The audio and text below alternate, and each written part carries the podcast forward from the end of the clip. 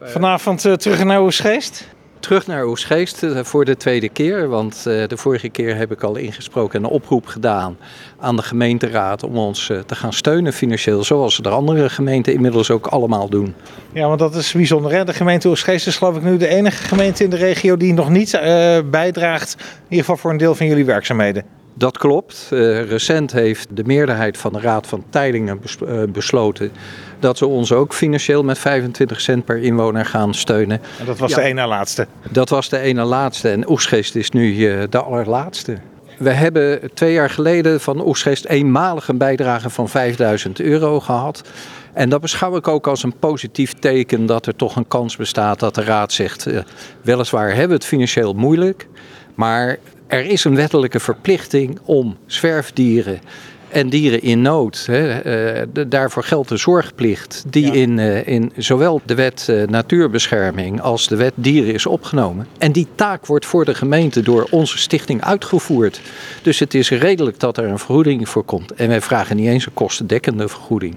Nee, want uh, jullie krijgen volgens mij uh, een vergoeding uh, voor, voor twee verschillende soorten dieren die jullie ophalen. Huisdieren en, en wilde dieren noem ik het dan maar even.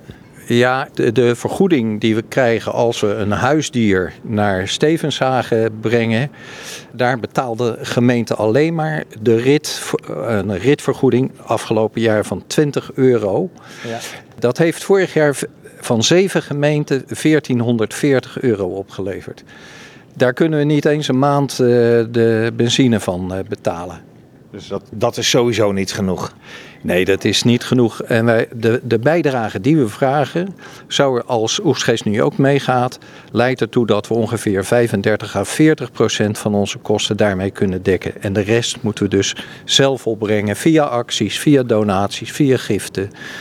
En hopelijk ook af en toe weer eens via een legaat. Maar dit jaar is het net zoals de.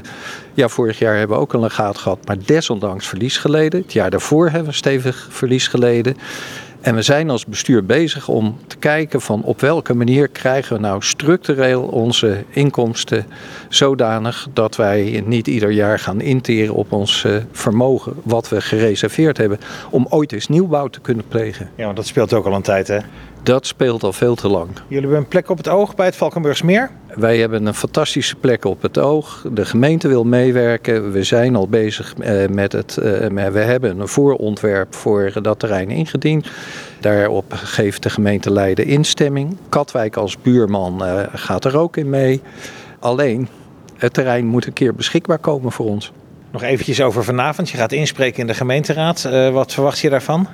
Nou, ik heb de verwachting dat het uh, voor uh, de raadsleden aanleiding zal zijn om een amendement in te dienen bij de begrotingsbehandeling.